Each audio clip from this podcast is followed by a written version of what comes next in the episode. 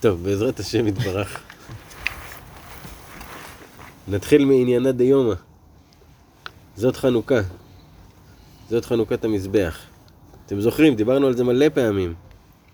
מה קורה בזאת חנוכה? מישהו יכול להגיד לי? לא אתה, יונתן. אה, אתה היית. מישהו יכול להגיד לי מה קורה בזאת חנוכה? מה המעלה של זה? ב? זאת חנוכה. הנר השמיני של חנוכה. למעשה החכמים אומרים שהיום השמיני של חנוכה, המעלה שלו כמו תפילת נעילה של יום כיפור. כל ה-24 שעות האלה. בגלל שכל המהלך שהתחלנו בראש חודש אלול, כל המהלך הזה שהיה לנו 30 יום ל... להתפלל לפני המשפט ואז משפט, לאחר מכן יש לנו עשרת ימי תשובה לתקן, לאחר מכן יום כיפור מוחלים לנו על העוונות, נותנים לנו את המצווה הראשונה, מצוות סוכה. למה דווקא סוכה? היא המצווה הראשונה. לא להיות בדירת קבע. מכיוון שלעתיד לבוא הקדוש ברוך הוא, אומות העולם באים אליו, אומרים לו, תשמע, מה, גם לנו, אם היית נותן לנו את התורה, גם אנחנו היינו צדיקים כמו עם ישראל. אז אמר להם, אין בעיה, יש לי מצווה אחת קלה שתעשו אותה ואתם מקבלים אה, גם שכר. מצוות סוכה, המצווה הכי כיפית, הכי קלה. נתן להם, הם בנו סוכה, הקדוש ברוך הוא הוציא חמה מנרתיקה, הביא חמסין, כל אחד מהם יוצא, בועט, אומר, מה זה המצוות האלה, מי רוצה לשבת פה, זה... סכוני דלמות. כן. ואז הוא מראה להם, אתם רואים, אפילו במצווה הזאת אתם לא יכולים לעמוד בזה. עם ישראל בכל מצב נשאר. אז זה המצווה הראשונה שמנסים את האדם. אז היה לנו מצוות סוכות, ואז בשמיני עצרת, אחרי המצווה, השליחים יוצאים עם המכתב חתום. יוצאים, מתי הם מגיעים, שי? עם המכתב חתום. בזאת חנוכה, היום. היום השליחים צריכים להגיע, סוף היום. לאן? לגזר דין של מעלה, היום מתחילה השנה, היום פותחים את הפתק שלך, מה נכתב עליך? מה הולך להיות איתך השנה? זה היום מתחיל. היופי הוא שהיום אפשר לשנות את הכל. שנה שעברה? כן, היום אפשר לשנות את הכל. לא. היום בזאת חנוכה ניתן לשנות את הכל. כל הגזר דין שלך, כל מה שהיה, אתה היום יכול לשנות ולקבל על עצמך קבלות טובות, להחליט שתהיה שנה טובה, ולהתפלל שהשם ייתן איתך פרנסה וישועות ודברים, כל מה שאתה צריך. אז היום, אז ככה לתשומת לבכם ככה, כל אחד שחוזר הביתה בדרך, באוטו. יש את כל, ה, את כל הזמן הזה, עד למעשה בסוף סוף היום נוצא את הכוכבים שיגיע, מתחילה שנה. אתה מבין למה זה כמו נעילה של כיפור? כי זה כאילו שנעלו את ה... אחד. מפה נעול. אבל עד עכשיו היה אפשרות לערער, אפשרות לזה, צאת הכוכבים, חתום. הפרנסה שלך, כמה תקבל, כל הדברים, הכל. חתיכת יום. זה יום מכונן. שמעתי היום אה, דרשה של מוהרוש עליו השלום על, על זאת חנוכה. הוא אומר, פתוח על האדם תיק פלילי בשמיים. שהיום הוא... אה, למה זה תיק פלילי? הרי תיק פלילי זה נקרא כי זה פילולים, זה כאילו פיתולים כאלה שעושים. שבבית משפט העורך דין אומר, אה, הוא עשה ככה וככה. והוא אומר לו, לא, אם הוא עשה ככה וככה, אז אי אפשר להגיד שכי הוא לא היה נמצא ביום ההוא, והם עושים פיתולים. והתפילה היא נקראת על שם זה, שתפילה זה הלשון שאדם עושה פיתולים עם השם. כאילו ממש כמו עורך דין על עצמו. אז זה מה שצריך לעשות היום. להתפלל, להגיד לקדוש ברוך הוא, גם אם גזרת עליי משהו וזה, גם אם לא הייתי בסדר, וואלה, מעכשיו אני מתחיל התחלה חדשה, אני מבטיח להיות בסדר. מה שאני יכול. ככה לשבת איתו. זה על העניין של היום, זאת חנוכה. שזכינו להדליק נרות שמונה ימים. מה המצווה הגדולה של, של הדלקת הנרות? סומנס. פרסום הנס. בעצם זה הרעיון. בכל העניין של הדלקת חנוכה, כל העניין של, ה... של חנוכה, פרסום הנס. למה צריך לפרסם את הנס? מכיוון שכשאתה מפרסם את הנס, זה מכניס בך אמונה שניסים קורים. לעצמך? כן. תשמע, אתה רואה חנוכיה פתאום באמצע הרחוב, אתה אומר בואנה איזה מגניב שאנשים הדליקו חנוכיה ברחוב. ואז אתה נזכר, רגע, זה בשביל פרסום הנס. בואנה איזה, בואנה, איזה ניסים, תראה, ניסים קורים, הקדוש ברוך הוא יכול להפוך את הכל. לעשות לך ניסים. בכל מצב שנראה לך שלא חשוב מה, שאתה לא רואה דרך מוצא בכלל אפילו, אתה מסתכל, סוקר את כל הדרכים במוח שלך, איך אני יוצא מהמצב הזה? אתה לא מוצא שום דרך? הקדוש ברוך הוא יכול להביא לך איזה דרך ש... בכלל, דרך מהצד, כמו שרבנו אומר. זה הדרך של רבנו, דרך מהצד. כן, תמיד- לרבנו מקבלים הרבה דרכים. כן. זה, זה גם, גם כפשוטו, רבנו, מתי הוא אמר את השיחה הזו? פעם אחת, רבנו נסע עם העגלון שלו, לקח אותו מעיר לעיר. והיה פקק, פקק של, של עגלות בשביל. אז הוא אמר לו, תשמע, תחתוך פה מהצד, תעקוף אותם. ואז רבנו אז אמר את השיחה שלו, גם הדרך שלי היא דרך מהצד, אבל היא חוזרת לדרך הראשית. אבל הדרך של רבנו זה תמיד דרך מהצד. כל הזמן להיות בדרך, בדרך שנמצאת בצד. גם לחיות על הדרך שבצד. לא על השביל הראשי. ואם אתם זוכרים, דיברנו על השלוש תורות שהרב סייג חיבר אותם, רן קנה לוג. אז את ל"ג התחלנו אז ללמוד, אתם זוכרים? והיום, בעזרת השם, נתחיל את תורה רנ. גם כן, יצא לי לקרוא באיזה מכתב באשר בנחל, שמוהראש כתב לאיזה מישהו שהוא חיזק אותו, מישהו שהיה שבור. אז הוא אמר לו, חייבים ואי אפשר לעבור את העולם הזה אם לא על ידי הדרך של התורה הזאת רנ. הוא אומר לו, חייבים לחזור על התורה הזאת הרבה הרבה הרבה, כי אי אפשר לעבור את העולם אם אתה לא חי ככה. זאת אומרת, העולם ישבור אותך. אז בעזרת השם. דע שכל מיני צער וכל היסורים אינם רק מחסרון הדעת. כי מי שיש לו דעת ויודע שהכל בהשגחה מהשם יתברך, אין לו שום יסורים, ואינו מרגיש שום צער. כי השם נתן והשם לקח, יהי שם השם מבורך. אז מה הוא אומר? שכל היסורים וכל הצער שהאדם מרגיש, זה רק כי יש לו חסרון הדעת. כי אם היה לו דעת, הוא לא היה מרגיש אותם. זה לא אומר שהם לא היו קיימים, הוא לא היה מרגיש אותם. שהוא לא... כאילו זה, הוא היה שמח באותה מידה, כאילו, זה, הוא לא מרגיש שזה בכלל נמצא. הוא חי באותה אותו לבל של שמחה. ו... הוא יודע למה, למה זה, כאילו... זה לא... הידיעה למה היא לא עוזרת.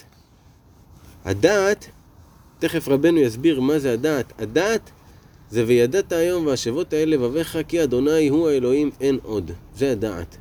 שחרור כל ה... שגם כן קראתי שם שהוא אומר, כל המעריך באחד מעריכין לו ימיו ושנותיו, נכון? זה נאמר על שמע ישראל, ששמע ישראל אדוני אלוהינו אדוני אחד, צריך להעריך במילה אחד. זה הלכה, וכתוב, כל מי שמעריך באחד, מעריכים לו ימיו ושנותיו. אז מהראש כותב, אם אתה מעריך באחד, אם אתה כל הזמן מעריך במחשבה הזאת שהכל אחד, שהשם אחד, שאין שום מציאות בלעדיו יתברך, אתה זוכה לחיים הטובים. זה הדעת. ואף על פי שיש יסורים שבהכרח מרגישים אותם. כמו יסורים מיציאת הנשמה מן הגוף ויסורי החולה, שבאים מחמת שמתחילה הנשמה, שמתחילה הנשמה להתפשט מן הגוף. אז זה אומר, יש יסורים שבהכרח מרגישים אותם, כי זה יסורים בגוף, שהנשמה מתחילה להתפשט מהגוף, אז הגוף כואב.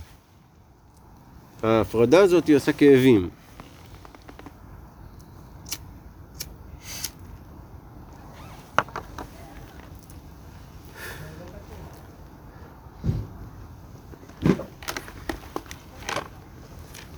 הוא אומר, על כן בהכרח הוא מרגיש את הייסורים. האדם מרגיש את הכאבים ש... שיש לו. אף על פי כן הייסורים קלים מאוד ונוחים להתקבל בעת שיודע בדעת ברור שהכל בהשגחה מהשם יתברך. אפילו ייסורים של כאב, ממש, יכולים להיות קלים מאוד אם האדם יודע בידיעה ברורה שהכל מהשם יתברך. כי זה מרגיע אותו. הידיעה הברורה הזאת שהכל מושגח, שכל דבר קטן... תחשוב, עכשיו אתה בעבודה, נלחצת ממשהו, התעצבנת ממשהו, חווית משהו לא נעים, למה זה? כי שכחת שהכל מושגח. לרגע נכנסת לתוך הסיטואציה. ואיך שאתה נכנס לתוך הסיטואציה, כואב. אם אתה בזיכרון הזה שהכל מהשם יתברך והכל מושגח, אז אתה נמצא באזור הלא כואב. אתה מבין? זה ייסורים כמו של מסאז' שלוחצים, אבל אתה יודע שזה לרפואתך, אתה בא לעשות מסאז' מה אתה אומר לו עכשיו? מה, אה, לא רוצה שיכאב לי. זה עושים לך מסאז', אבל אתה נהנה מזה, עובדה שאתה נהנה מזה, לוחצים עליך, זה, ואתה נהנה מזה. הבנת?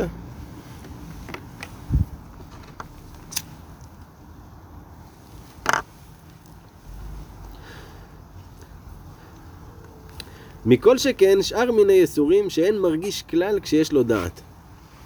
יענו, אם- ואם זה לא יסורים של הגוף בכלל, הוא אפילו לא מרגיש אותם. ועיקר הצער מהיסורים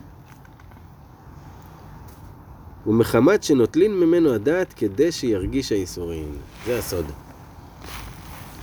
הרי כשאתה חזק ואתה בעלייה, למה אתה לא מרגיש את הייסורים? כי יש לך דעת.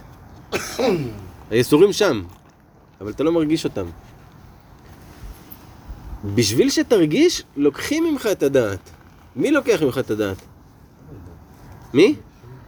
השם יתברך. לוקח ממך את הדעת כדי שתרגיש את הייסורים. זאת אומרת שאתה צריך להרגיש אותם, ואתה צריך לעבור דרכם. וזה הניסיון. לעבור את זה בלי דעת. בדיוק. לוקחים ממך את הדעת, ועכשיו רוצים לראות באמת מה אתה. רוצים לראות מה אתה, אוקיי, שיש לך דעת, זה סבבה, זה כאילו סיוע משמיים. שלך? כן, מי אתה? מה, מה, מה הכלים שלך? מה, כמה אור נכנס לכלי? איך אתה באמת מתנהג עכשיו? זה המבחן האמיתי. שימו לב שתמיד הכל זה הפוך על הפוך. האדם לכאורה רוצה כל הזמן ש, שלא יכאב לו. אבל על ידי כאב גודלים, בלי כאב אי אפשר לגדול. אז מה, אתה לא רוצה לגדול? אתה רוצה לגדול, אבל אי אפשר לגדול אם לא כואב לך.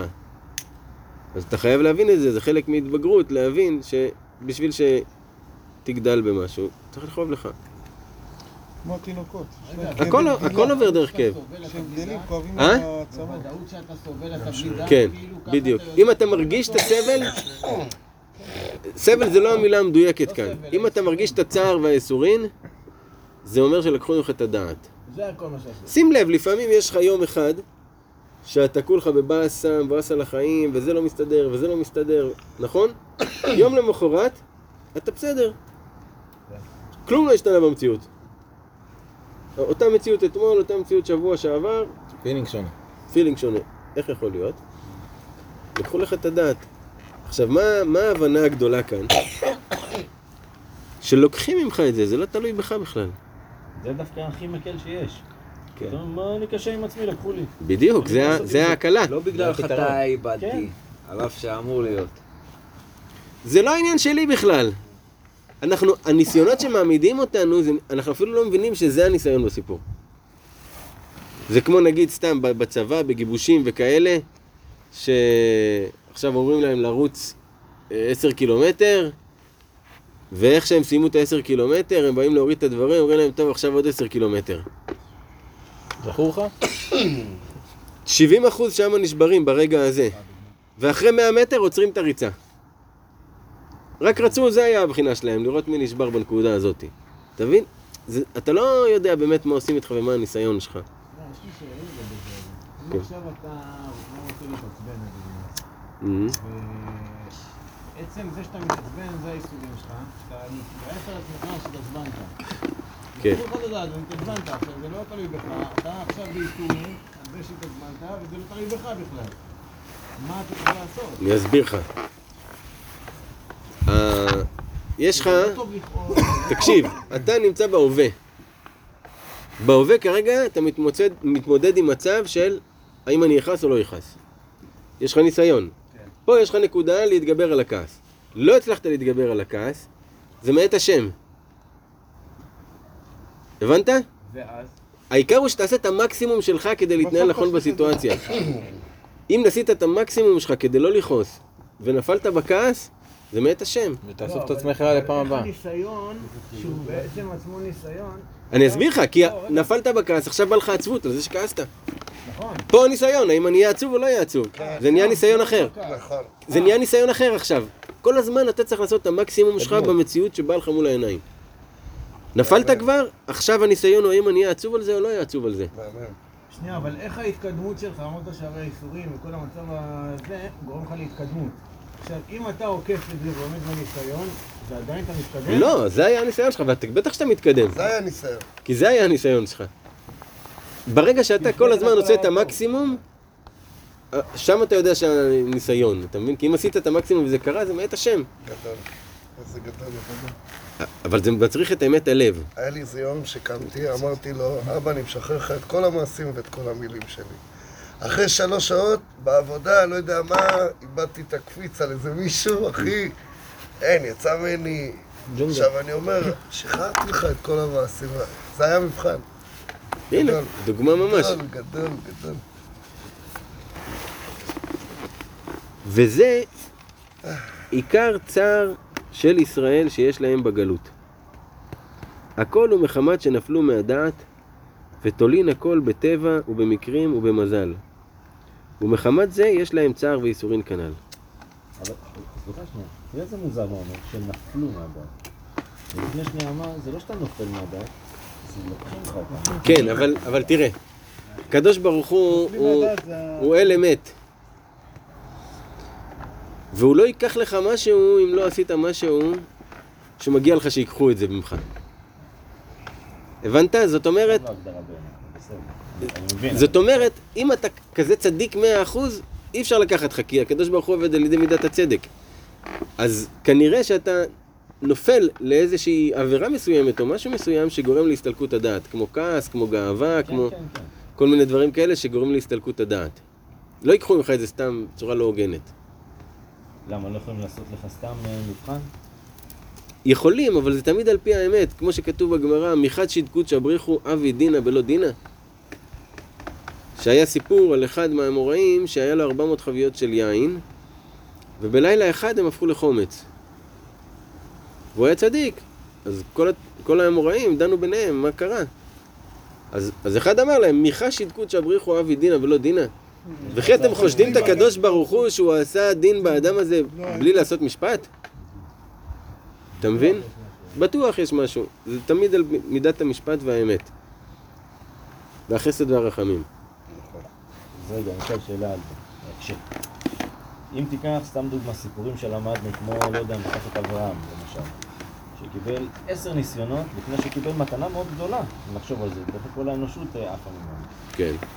אבל עדיין, אני, כאילו, אני לא יודע, אבל אני לא, כאילו, הוא עשה איזה משהו שהיה מגיע לו את הדבר הזה? אתה מבין? כאילו, כי העמידו אותו בניסיונות, אולי בשביל לזכך אותו, בשביל לעשות כן. בסדר, סבבה. הוא עמד בניסיונות, מה זה עשה משהו? הוא עמד בניסיונות. לא, אני אומר, הניסיון, הניסיון היה לא בקטע של עכשיו, אה, כמו שאמרת, נגיד, לא יודע, מישהו עשה איזה משהו, ואז מתוקף הדין, דין. אז עשו לו משהו. כאילו, בלי דין, קח, ניסיון. בוא נראה. כן, יש את זה גם, בוודאי. זה, מה שהתכוונתי, אתה מבין? יש את זה, בוודאי. הקדוש ברוך הוא הכל יש אצלו, מה אני יודע מה, יש. מה אין. אבל הוא אומר, עיקר הצער. של ישראל, שאנחנו רואים את עם ישראל בצער, ב- ב- בדחקות, ב- בקשיים. אתה שומע את השיחות רחוב, אנשים שבורים. הכל מחמת שתולים את זה בטבע, מקרה ומזל. מזל. מה זה טבע, מקרה ומזל? נראה לך שאתה לא תולה בטבע, מקרה ומזל. אבל כל אחד מאיתנו תולה בטבע, מקרה ומזל. ברגע שאתה עכשיו, אה, משהו מאמין קרה, ממנו. משהו קרה, לא יודע מה. אתה לא מייחס לזה חשיבות, אתה, אתה מגיב לסיטואציה.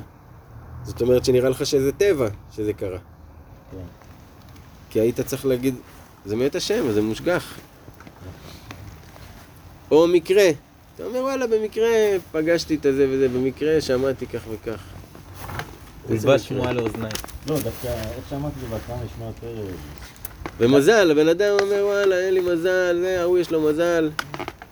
שום דבר לא מזל, לא מקרה ולא טבע. הכל השגחה פרטי פרטית עד הדבר הכי קטן. יש מלא דברים שאנחנו לא מבינים אפילו למה זה ככה.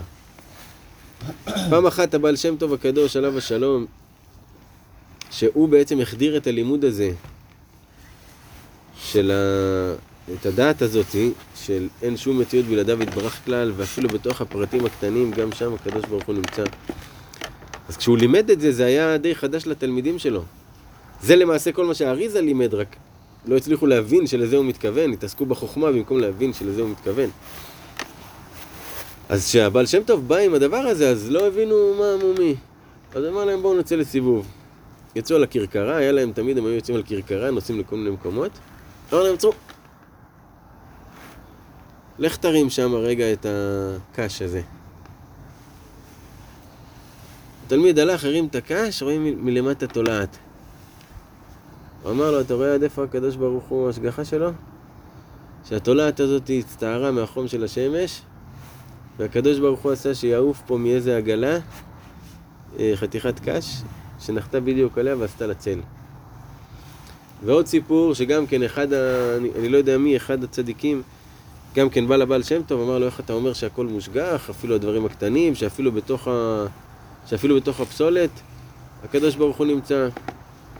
אז הבעל שם טוב אמר לו, אפילו בתוך צואה של פרה, הקדוש ברוך הוא מחיה ומקיים ומהווה. אמר לו, איך אתה לא מתבייש להגיד דברים כאלה וזה וזה.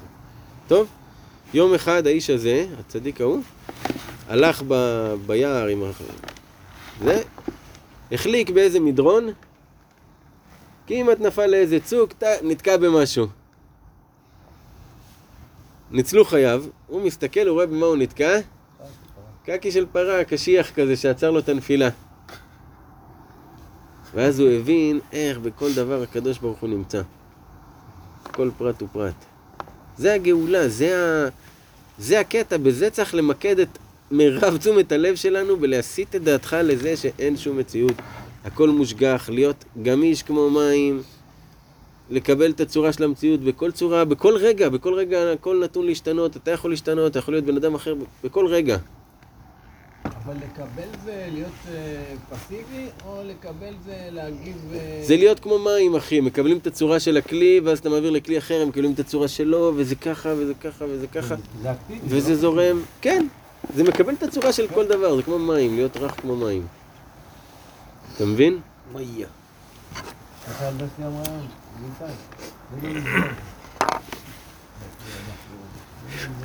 אז זה אומר, עיקר הצער שעם ישראל, כל המתוקים שלנו שהם חווים, זה כי הדעה הכללית נשכחה שהקדוש ברוך הוא מנהיג את העולם. מה מראים לנו? חדשות, קורונות, השר הזה אמר ככה, השר ההוא, שמעת מה עומד לקרות, שמעת מה זה, שמעת מה זה, וואי, וואי, וואי, וואי, וואי, וואי. מה עושים בכל זה? משכיחים את העובדה שהקדוש ברוך הוא מנהיג את העולם. יום אחד אני זוכר בהפצה, בתקופה שהייתי בפיץ ככה בין בתים לבתים, זה היה לי כל מיני מקרים מצחיקים. כולי חרדי כזה, אתה יודע, עם פאות וזה, דופק בבתים, בכל מיני שכונות פשע וכל מיני שכונות. פעם אחת פתח לי מישהו, נרקומן כזה, הכניס אותי הביתה, אתה יודע, והוא מחמם את הסם על, ה... על נר כזה, אתה יודע, על כפית, על נר, פעם ראשונה שאני רואה דבר כזה. פעם אחת הגעתי לבית של אה, חבורת גנבים, שהם כאילו אחרי השודים, זה המקום שלהם של הרכוש שהם מביאים לשודים. לא, ואתה יודע, מכניסים אותי, מדברים איתי. מלא סצנות. פעם אחת הגעתי לבורר, הבורר הגדול, האמיתי, בגבעת שמואל. הגעתי אליו לבית ו... בקיצור, אבל פעם אחת, למה אני מספר את זה? הגעתי לאיזה מישהו, גם כן דירה כזאת, חשוכה כזאת וזה, רק הוא נמצא שם, והוא כאילו מדבר איתי ואומר לי, כאילו, ישבנו, קפה, עניינים, אומר לי, אני, אל תראה אותי ככה, אני. אני הייתי פעם, הייתי חזק בדת, הייתי בזה, הייתי בזה. התאכזב מה... מהמערכת, אבל כולו אמונה. הוא אומר לי, הקדוש ברוך הוא נמצא בכל דבר, אבל רק מסתירים אותו. הוא אומר לי, אתה יודע מה ההסתרה של הקדוש ברוך הוא? הדלק שאתה שם באוטו. זוכר את המשפט הזה עד היום. אומר לי, הדלק שאתה שם באוטו זה ההסתרה של הקדוש ברוך הוא. שהוא נסתר בתוך הטבע, שעל פי הטבע רק עם דלק אפשר לנסוע. נכון? אבל יש סיפורים, קודם כל נכון. כן, יש סיפורים על הבעל שם טוב, על הזה ששינו את החומר בגלל האמונה שלהם. מי שאמר לשמן שידלק, יאמר לחומץ שידלק. כי הם ברמת אמונה כזאת כבר. זה הרמה שעם ישראל אמורים להגיע אליה, אבל משכיחים מאיתנו, כל הזמן מסתירים. אוי, ברח לי. רק קלאץ'.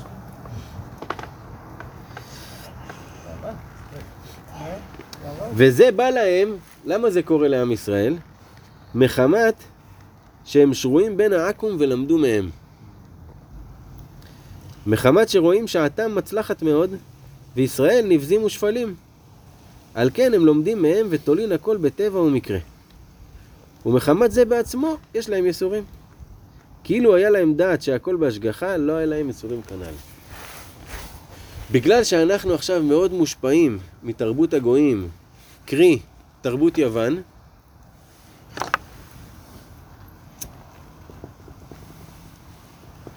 אז המוח שלנו, הוא כבר רואה טבע, מקרה ומזל. אם אני אעשה ככה, יהיה ככה. האדם מעביד את עצמו, הוא מלא שעות בעבודה, כי על פי דרך הטבע, זה השעות שצריך לעבוד כדי להתפרנס. על פי דרך הטבע. מכניס את עצמו בתוך הטבע. בעוד שהאדם צריך להאמין. לא לפחד. לא להגיד, וואי, על פי דרך הטבע זה לא יכול להיות. הקדוש ברוך הוא זן ומפרנס מקרני ראמים, מביצי קינים עד קרני ראמים. מה זה ביצי קינים? ראית פעם איזה קטן זה? זה תלוי על השערה. על שערה תלוי ביצית כזאת לבנה, נקודה לבנה קטנה. כזה קטן, הקדוש ברוך הוא זן ומפרנס אותה. עד קרני ראמים, שראם זה, זה הייתה חיה שהייתה בגודל של הר. עד הגודל הזה, הכל הקדוש ברוך הוא זן ומפרנס. אז אתה חושב שזה תלוי ב-12 שעות עבודה שלך?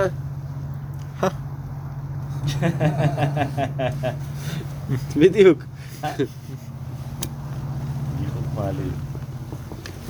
וזה ניסיון.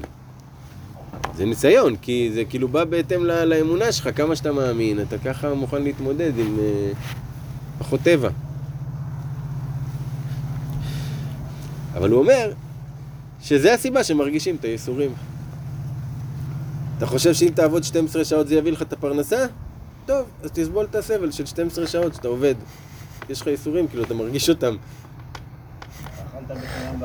כן. צריך כל הזמן לחשוב על הדברים האלה.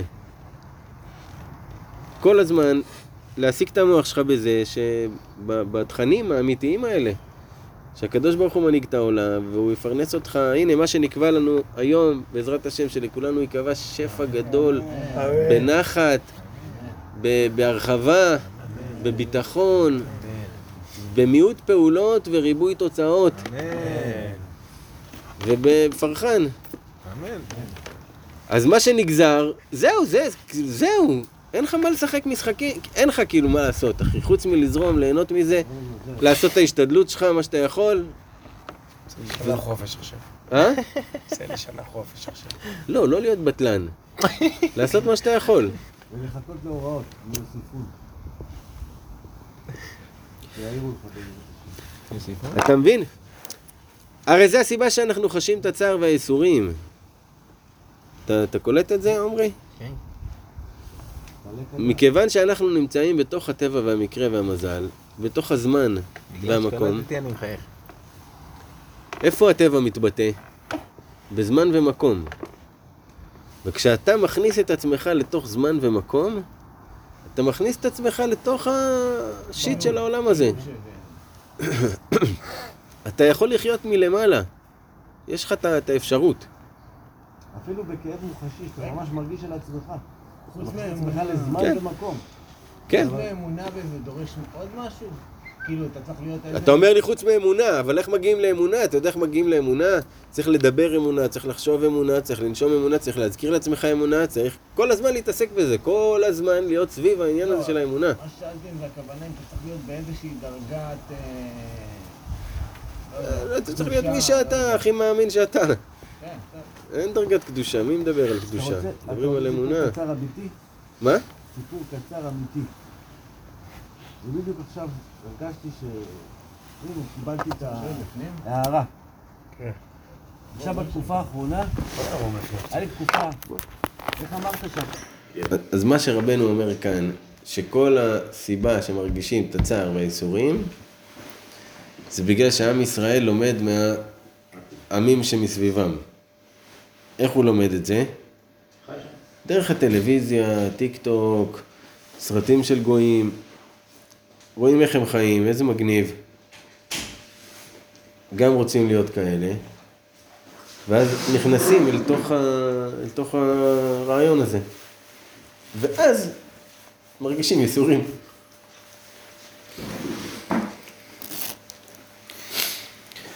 ובאמת ישראל הם למעלה מהטבע.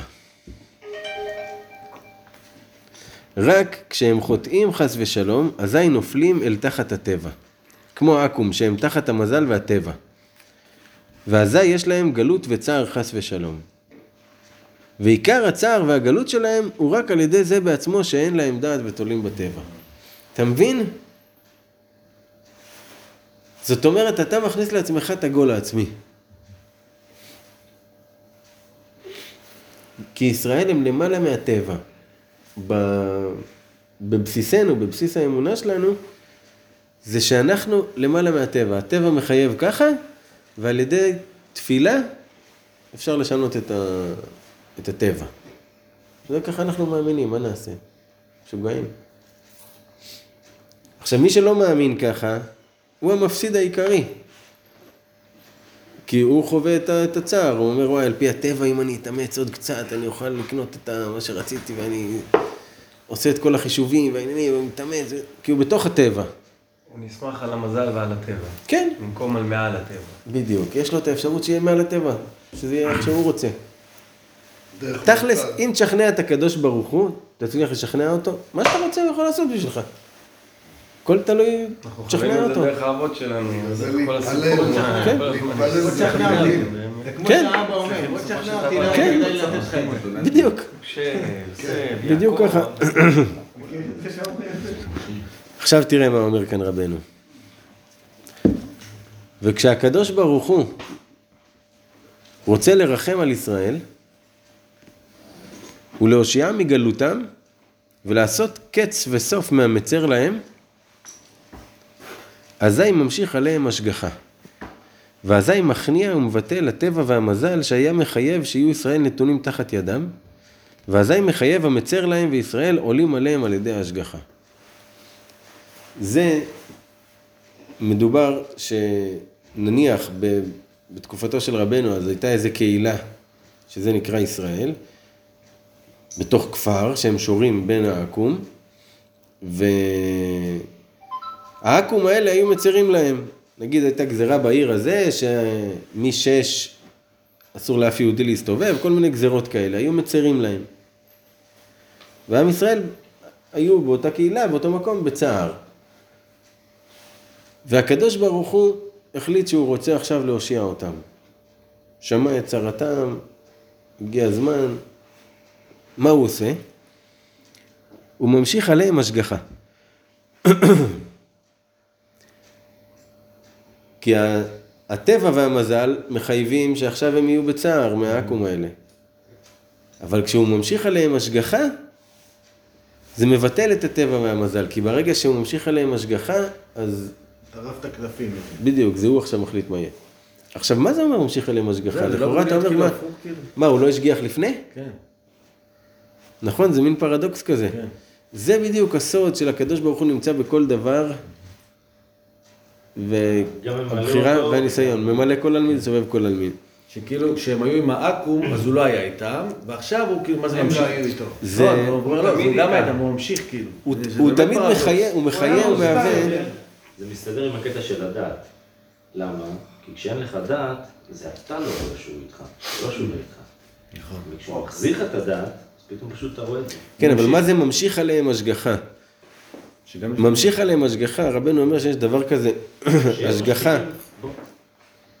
תתאפק. אתה רוצה להמשיך במונולוג? לא. כשהקדוש ברוך הוא רוצה להמשיך עליהם השגחה, רבנו אומר, יש דבר כזה השגחה בעין אחת, ויש השגחה בשני עיניים, יונתן. יש השגחה בעין אחת והשגחה בשני עיניים, שתי עיניים. שהשגחה בשתי עיניים זה השגחה כביכול של ממש עכשיו הקדוש ברוך הוא ממש נותן את שתי עיניו והוא כל כולו על זה, במלוא תשומת הלב שלו על זה. והשגחה בעין אחת זה כאילו הוא נותן, אבל כביכול, מציל.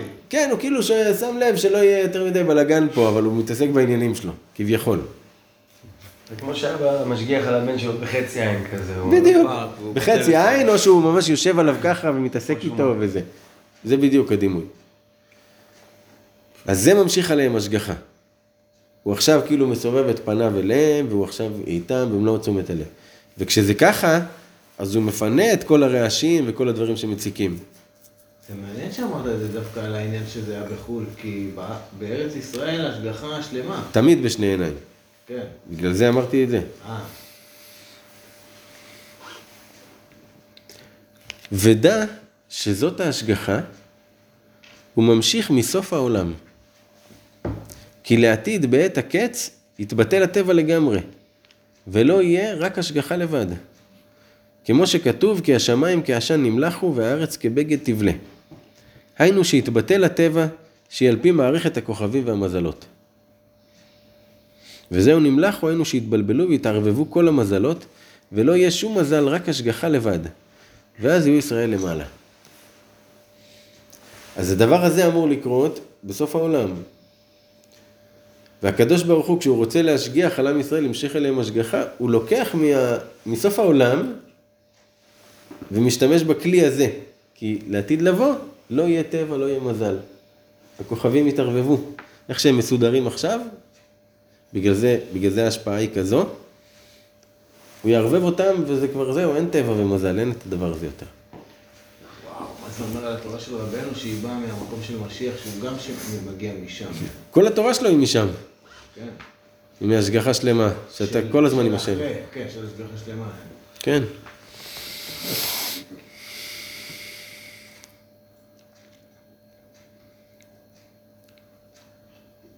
אין לנו את השנה. אין לנו את השנה. אין לנו את השנה. כשאין טבע, אין לנו... אה, אין לנו אין טבע, אין זמן. ועל כן, גם אתה, כשהשם יתברך רוצה לעשות קץ וסוף מאיזה עכו"ם, ושיהיו ישראל למעלה, אזי ממשיך עליהם השגחה מקץ וסוף העולם. שאז לא יהיה רק השגחה. ועל ידי זאת ההשגחה נתעלים ישראל ונעשה קץ וסוף מהעכו"ם שהיה מצרה להם. וזה בחינת קץ בא הקץ. היינו, כשהקדוש ברוך הוא רוצה להביא קץ על העכו"ם, אזי ממשיך ההשגחה מקץ אחרון. שקץ, כשהוא רוצה לעשות קץ מהעכו"ם האלה שמצרים לישראל, אז הוא מושך השגחה מהקץ האחרון. ועכשיו, פה הבעייתיות שיש, שעליה ניבאו הח- החכמים, שבדור האחרון, שיהיה מלכות הערב רב, שזה מעורבב, זה לא איזה עכו"ם מסוים שמצר לישראל. זה ממש מעורבב, כל מיני אנשים, כל מיני... כולם יחד נמצאים בתוך הדבר הזה. אולי בגלל זה הביא אותם את כולם פה, לארץ ישראל, כאילו הם חשבו בארץ ישראל הם יבואו לזה, אבל הוא הביא אותם למקום של השגחה מלאה. כן. עכשיו בוא. אמן, בעזרת השם. אמן, רצה לעשות להם קץ. כן, אמן.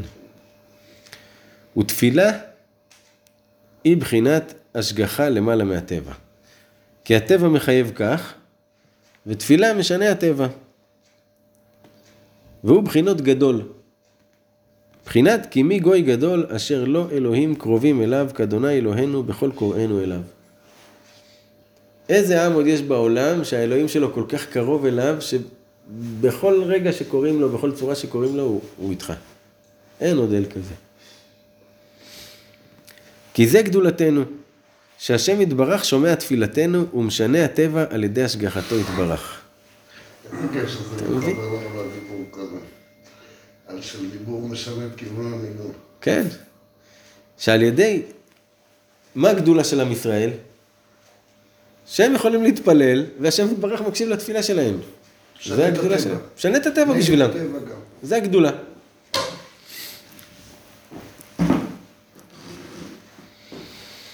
נמצא שתפילה שהיא בחינת ניסים והשגחה, הפך הטבע, הוא בחינת גדול. נס גדול היה, או, פה בארץ ישראל, בהשגחה מלאה. רגע, אבל מה, מה? מבחינת מה זה גדול? התפילה. אה, תפילה? תפילה שהיא משנה את הטבע.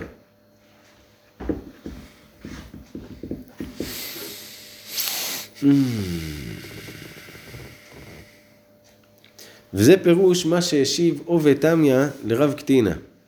מה יגוע? בשעה שהקדוש ברוך הוא זוכר את בניו שאין שרויים בצער בין העכו"ם, מוריד שני דמעות לים הגדול, וקולו נשמע מסוף העולם ועד סופו.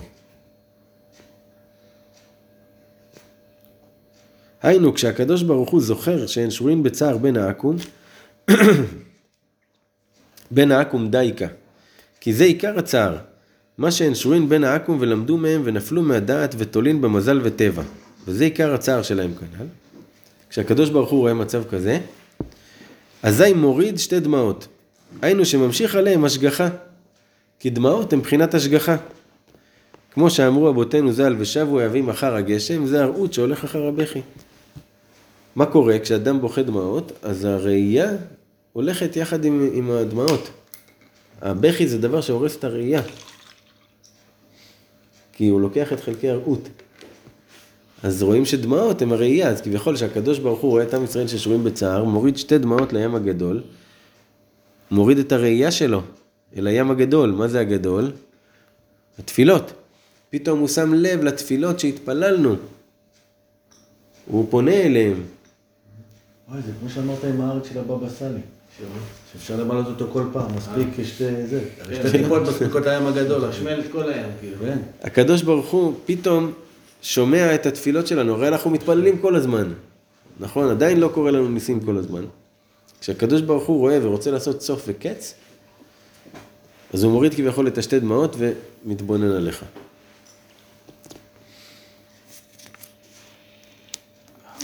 וזה הוא מוריד שני דמעות, היינו שממשיך השגחה לים הגדול, בחינות העכו"ם המושלין על ישראל. ואזי נעשה בחינת גדול, בחינת השגחה. וזה בחינת דמעות שבוכין בעת הצער. כי מאחר שיש לו ייסורים וצער, על כן הוא צריך לבחינת השגחה, כדי שיהיה לו ישועה כנ"ל. ועל כן מורידים דמעות כדי להמשיך על ידם חלקי השגחה והרעות. כי השגחה והרעות נמשך לתוך הדמעות. הוא אומר, זה העניין שטבוע בטבע האדם לבכות כשהוא חש צער. זה כדי להמשיך השגחה. הוא בוכה, בוכה, בוכה, בוכה, בוכה, הכל כדי להמשיך השגחה. ואיך לומדים את זה? מישהו רוצה להגיד לי? זה למתקדמים? שוב, מה השאלה? אפשר שוב את השאלה? שהבכי הוא, ממשיך השגחה. למה למה הוא- למה זה קורה? אל תזרוק סתם דברים. למה זה קורה, אתה שואל? איפה למה? זה מרומז לנו בתורה? אה, שהבכי ממשיך השגחה? כן. לא, כתוב עליה... כתוב בתיקוני זוהר, "ו- והנה נער בוכה ותרא אותו ותחמול עליו. איך שהיא ראתה והנה נער בוכה, מיד ותחמול עליו. בת פרעה שראתה את משה. שעל ידי הבכי, ככה רבנו כותב, על ידי הבכי זה משך את ההשגחה שעכשיו היא תראה אותו. על ידי שהוא בכה. אתה מבין? הרי לפני כן היא ראתה, היא לא ראתה כלום. היא לא, לא כתוב שהיא שמעה אותו. ותרא. פתאום היא שמה לב, אה, מה זה, יש שם אה, נער בוכה. ילד הוא היה, אבל היה לו, כמו נער הוא היה. לא, אתה, אתה רוצה להגיד שזה בטבע, הדמעות מטשטשות את הראייה. אבל מעל הטבע, הן גורמות לך. לראות, כי הן משכיחות ממך את כל הדברים האלה שגרמו לך לטשטש את הראייה. כן. לא, זה כאילו אתה לוקח. הראייה מאצלך ואתה מעביר אותה למישהו אחר, כאילו, זה מה שזה נראה. לקדוש ברוך הוא, כן. כן, זה כאילו לקחת מהראייה שלך, ויש בזה ראייה, אז בגלל זה זה יורד, כי זה צריך לעבור למישהו, כאילו. כן. וזה בחינת ויבק חזקיהו בכי גדול הנאמר בעת שחלה. בכי גדול. לא סתם בכי, בכי גדול. דייקה. כי המשיך לתוך הבכי את הרעות וההשגחה, שזה בחינות גדול, בחינות תפילה וכולי כנ"ל.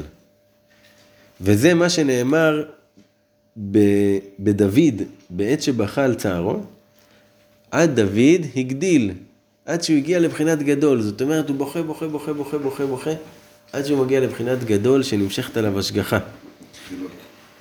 כי על ידי ההשגחה ניצולים מכל מיני צער וייסורין כנ"ל. ברוך אדוני לעולם, אמן ואמן.